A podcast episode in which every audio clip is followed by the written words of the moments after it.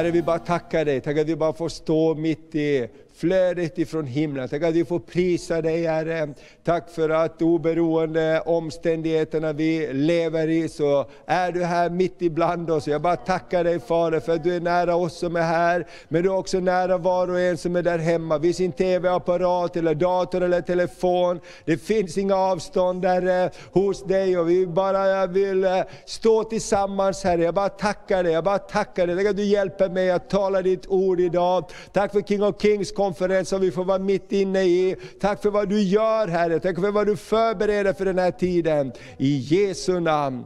Amen, amen, amen.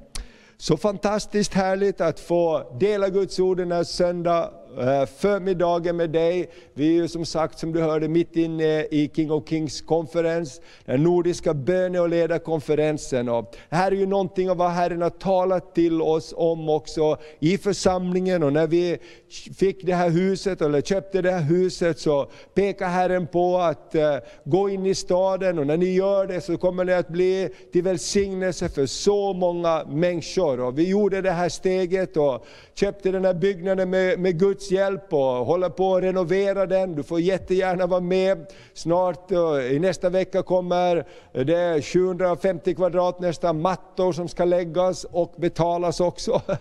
Så du får jättegärna vara med. Vi vill göra det här stället till, ett, till en vacker plats som ärar Gud och där människor kan komma och få möta honom. Och det här med, med King of Kings, det kom ju väldigt tidigt när Sebastian och, och eh, och teamet var här. Eh, innan Sebastian hade någon organisation, han var alldeles i början. Och då talade Herren om, låt oss gå tillsammans och göra en nordisk ledarkonferens. Och när vi började titta efter senare också så såg vi att Örnsköldsvik ligger väldigt centralt i Norden rent geografiskt. Och Det här är ju väldigt spännande faktiskt. Och nu när vi har haft de här konferenserna det fjärde året så ser vi hur ledare kommer tillsammans från Nordens länder.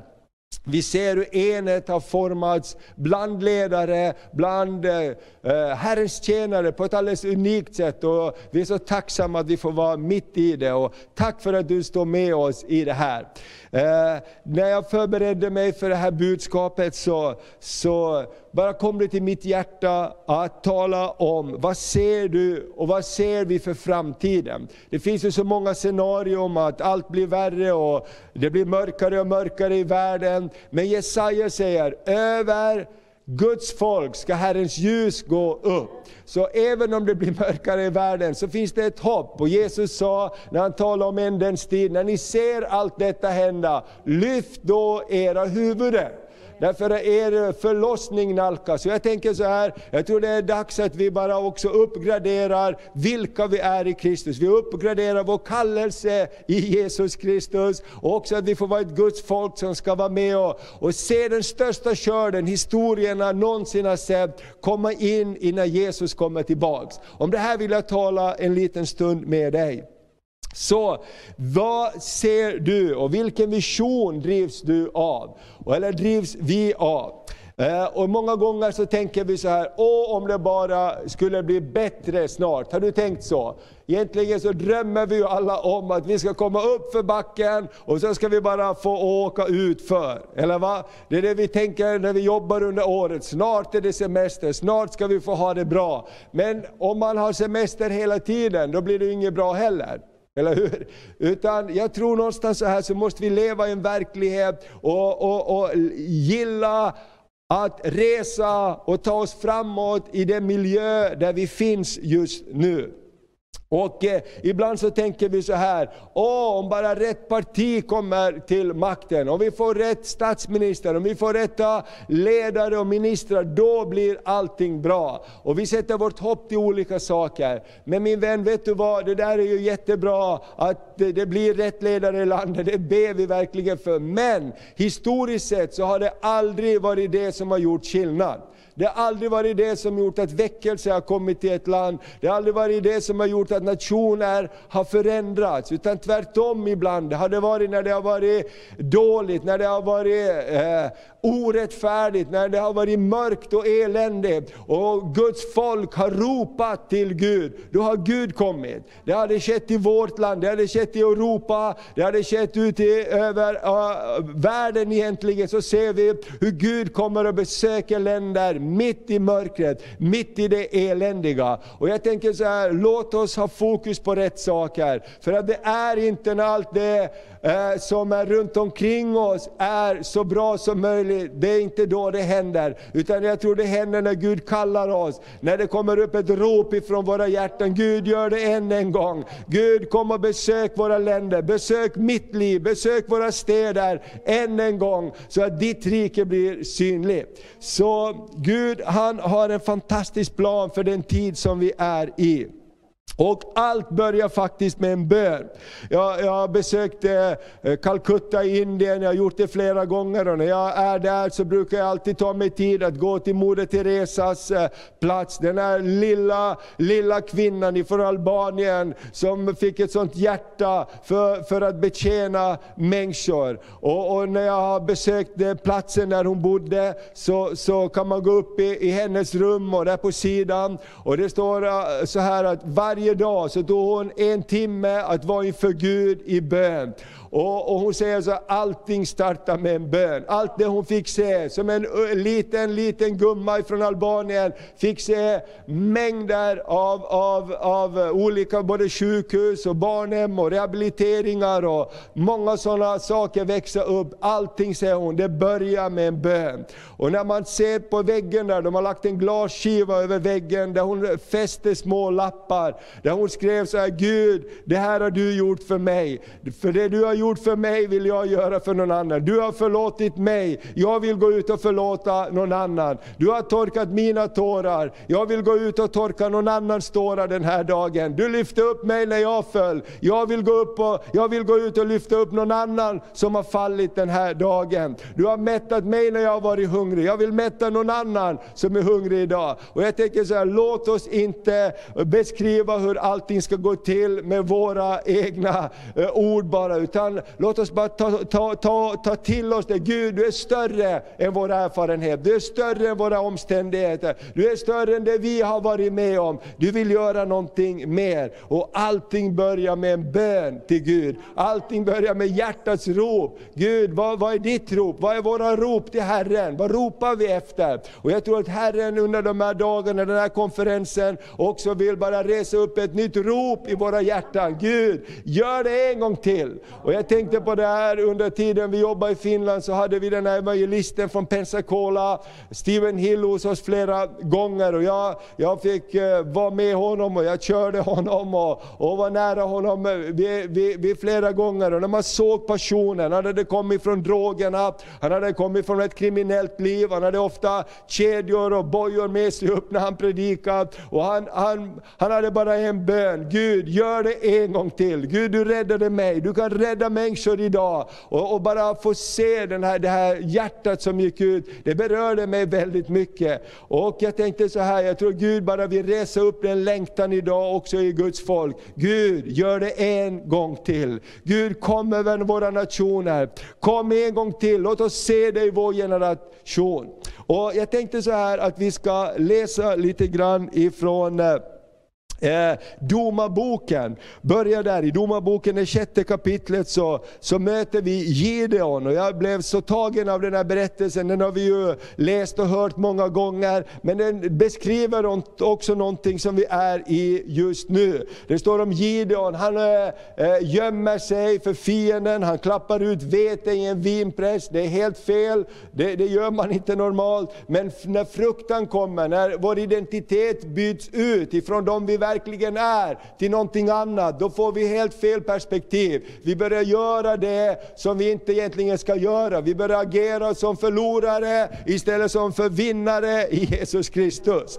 Och, och, och Gud kom till honom och han ville ge, eh, ge Gideon en annan bild. Och när vi läser den här texten så är det helt uppenbart att Guds bild och Gideons bild av verkligheten inte var densamma. Så vi läser i Domarboken 6 och vi läser ifrån vers 10 till 14. Gud säger så här, och jag sa till er, jag är Herren er Gud. Ni skall inte frukta de gudar som dyrkas av, av amoreerna i vilket land ni bor. Men ni lyssnade inte till min röst. Gud säger, ni ska inte frukta de gudar som dyrkas av amoréerna i vilket land ni bor. Ni ska inte frukta de gudarna. Ni ska inte frukta det där som härjar runt omkring er. Ni ska frukta mig. Och så säger han så här, att ni vill inte lyssna till min röst. Och jag tänker så här, Gud, Kanske det är så med oss också. Vi vill ha det bekvämt, vi vill ha det bra, vi vill inte störas. Vi vill tycka det är oj, oj, oj om saker händer runt omkring oss. Och vi backar mera in i våra kyrkor, vi stänger våra dörrar, vi ser till att vi har det bra. Men Gud vill skaka om oss tror jag. Och kolla vad, vad Gud säger fortsättningsvis till Gideon. Herrens ängel kom och satte sig under terebinten vid Ofra som tillhör abersiten Joash. Denne son Gideon höll på att klappa ut vete i vinpressen för att gömma det för midjaniterna. Han höll på att gömma det som Gud sa, du ska inte frukta dem där, för jag är med. För honom uppenbarade sig Herrens ängel och sa till honom, Herren är med dig, du tappre stridsman. Och jag tänker så här, vad säger Gud till sin församling idag? Säger han, oj oj oj, det är verkligen synd om er. Jag tycker verkligen synd om er som måste leva just nu. Jag tror inte Gud säger så. Jag, Gud, jag tror Gud säger till sönerna och döttrarna, res på dig du tappre stridsman. Amen, för jag kan göra mera än du tror.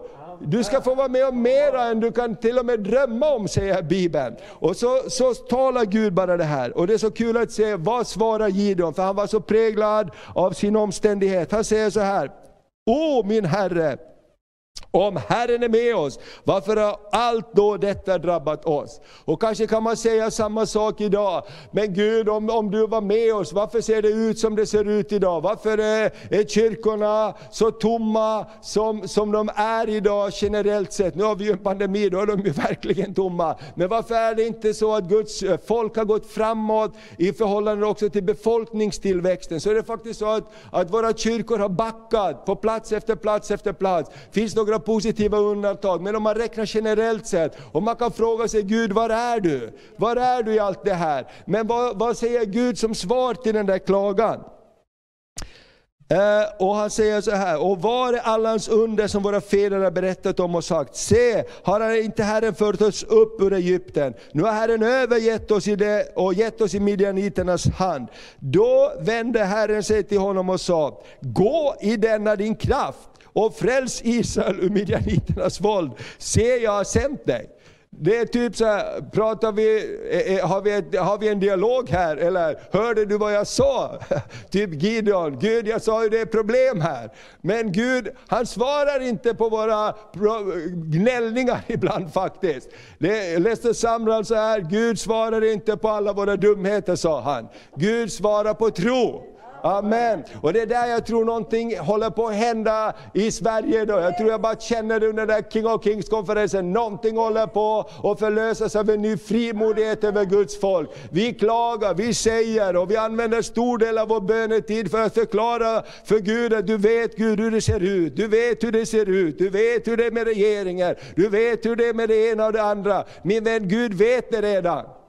Han är inte på semester, han är inte blind, han vet det. Men han kallar på oss, kom in i min närvaro, prisa mig, lova mig, hör vad jag säger och tala ut de böner. Och vi har bara sagt så här, den här King of Kings konferens, att vi ska be frimodiga böner, vi ska inte be massa motböner. Herren har kallat oss att vara förebedjare, inte motbedjare, förebedjare. Och när vi ber i enlighet med Guds ord så händer det någonting. Och jag tycker det så fantastiskt med den här berättelsen. Därför Gideons perspektiv och Guds perspektiv, det var inte samma perspektiv.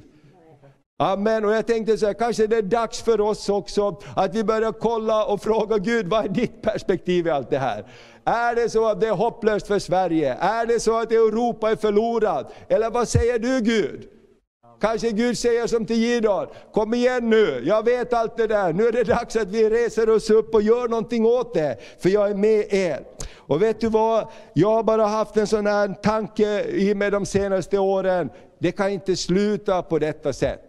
Det kan ju inte sluta på det här sättet. Jesus säger, jag kommer snart tillbaks och innan jag kommer tillbaks ska jag utgjuta min ande över allt köpt. Mina söner och döttrar, de ska uppleva Herren, höra Herrens röst, de äldre ska göra det. Det ska vara en rörelse från himlen som är större än någonting annat innan Jesus kommer tillbaks. Ja, det blir mycket nöd, det blir mycket elände, men över Guds folk kommer det att höras en lovsång, en lovprisning.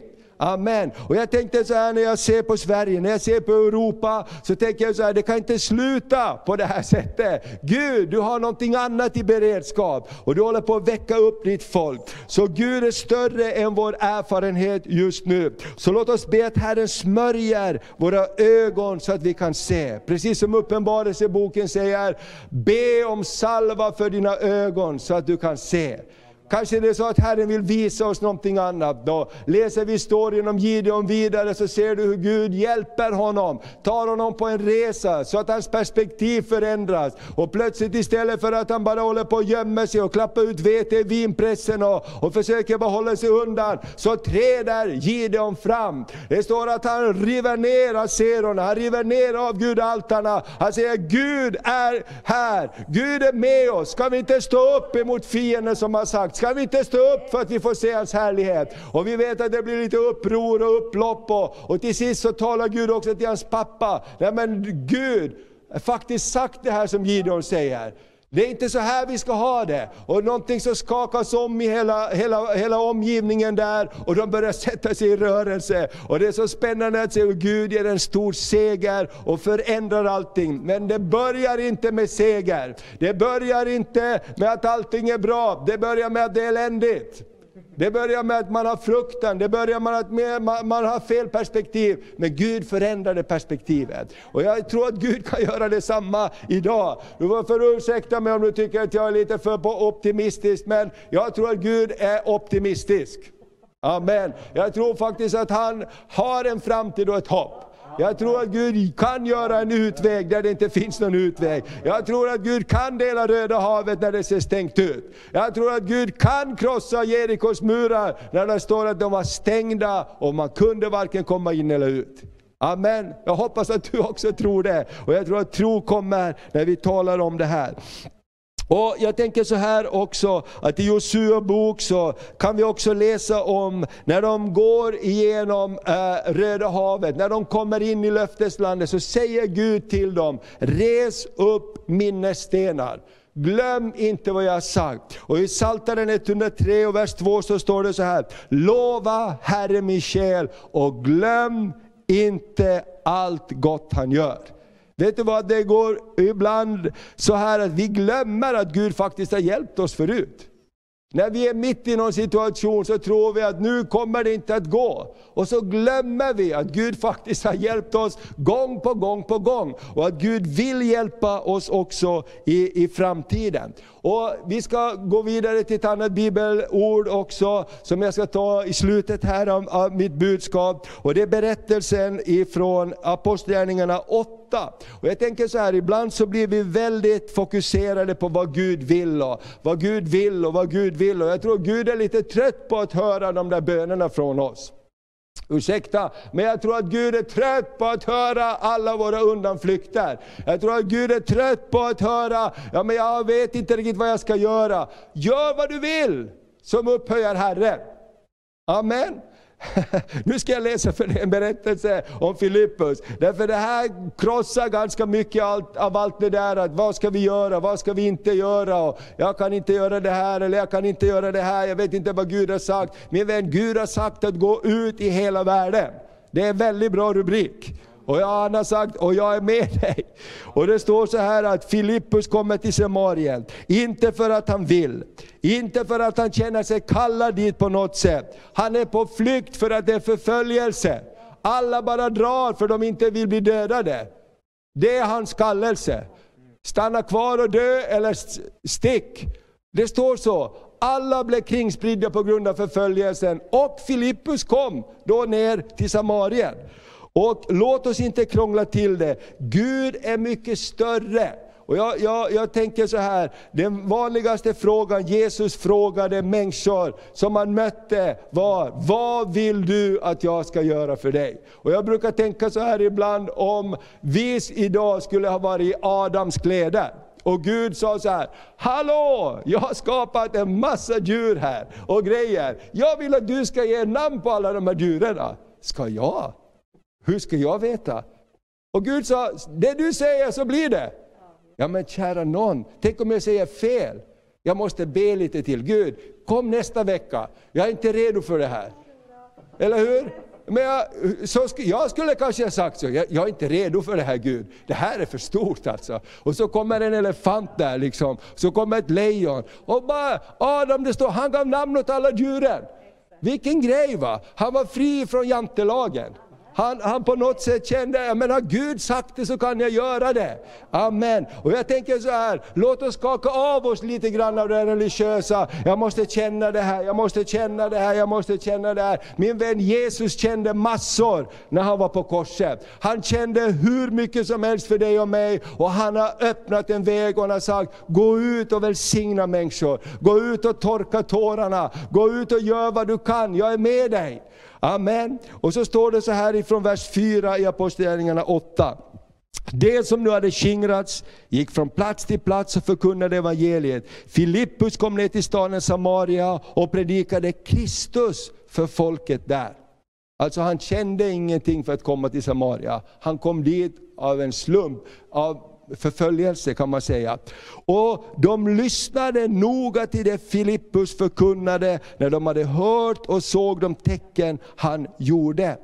Från många som hade orena andar for dessa ut med höga rop, och många lama och halta blev botade, och det blev stor glädje i staden. Det blev stor glädje i staden på grund av förföljelsen på en stad så måste de fly. Men när Filippus kom dit och började predika, då blev det stor glädje i staden. Vet du vad min vän? Jag tror att det är många, många glädjeämnen som väntar runt omkring i Sverige. Det är många, många städer som ska få uppleva glädje i Sverige, i Norge, runt om hela Norden. Och en ny, ny missionsvåg kommer att komma. Och därför det blir stor glädje när vi gör det som Herren har sagt att vi ska göra. Och så står det så här, och, och, men, men, du vet, det är alltid ett men där. Men, men i staden fanns sedan tidigare en man vid namn Simon. Han utövade magi och hade slagit folket i Samarien med häpnad. Han sa sig vara någonting stort och alla, både små och stora, lyssnade till honom.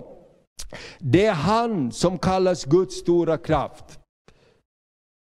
De hade lyssnat till honom därför att han hade länge fascinerat dem med sin magi. Vet du vad jag tänker när jag läser det här? Hur ser det ut i Sverige idag? Folk frågar spåkvinnor, folk frågar det ena och det andra. Folk är alldeles fascinerade av någon som kan läsa något kort och grejer och, och, och andarnas kraft och vad det kan vara. Folk är alldeles fascinerade av allt möjligt, men inte av Gud. Jag tycker det är ganska lika som för oss som det var här i Samarien. Och, och, så står det så här, men när de nu trodde på Filippus och förkunnade evangeliet om Guds rike och Jesu Kristi namn, så döptes det både män och kvinnor. Till och med Simon kom till tro. Han blev döpt och höll sig sedan ständigt i Filippus, och han blev utom sig av häpnad när han såg de stora tecken och kraftgärningar som skedde. Min vän, vet du vad? Min bön är, och det jag känner i mitt hjärta, är att vi bara ropar ut och säger ut, låt det ske igen. Låt en bön resas upp i våra hjärtan. Gud du har gjort det förut, du kan göra det igen. Vet du vad Gud har gjort det i vår stad? Jag googlade lite grann och satt mig på biblioteket för några år sedan här och läste om vår stad. Vad har hänt i vår stad? Vet du att vår stad Örnsköldsvik har varit besökt av många väckelser. Vi är ingen gammal stad, men genom hela den här stadens historia så har det funnits starka väckelser som har pågått. Det var till exempel på 50-talet så samlades mer än 10 000 människor här nere på Hamnplan för att lyssna på evangeliet och bli botade från sina sjukdomar. Och det står att polisen sa, vi har aldrig haft en så här stor rörelse av människor förut och aldrig haft det så lugnt i staden. För folk går omkring och ber och lovsjunger. Du vet, vi har en, en med i vår församling, en äldre broder, Bengt Eriksson, en riktigt härlig broder. Hans pappa jobbar på sågverket, han hade trillat ner och brutit ryggen. Han hade fått vad man kallar då livpension. Man kunde inte få ordning på honom, han hade blivit förtidspensionerad. Han kunde inte jobba, och vet du vad, han kom till de här mötena, Herren rörde vid hans rygg. Pang!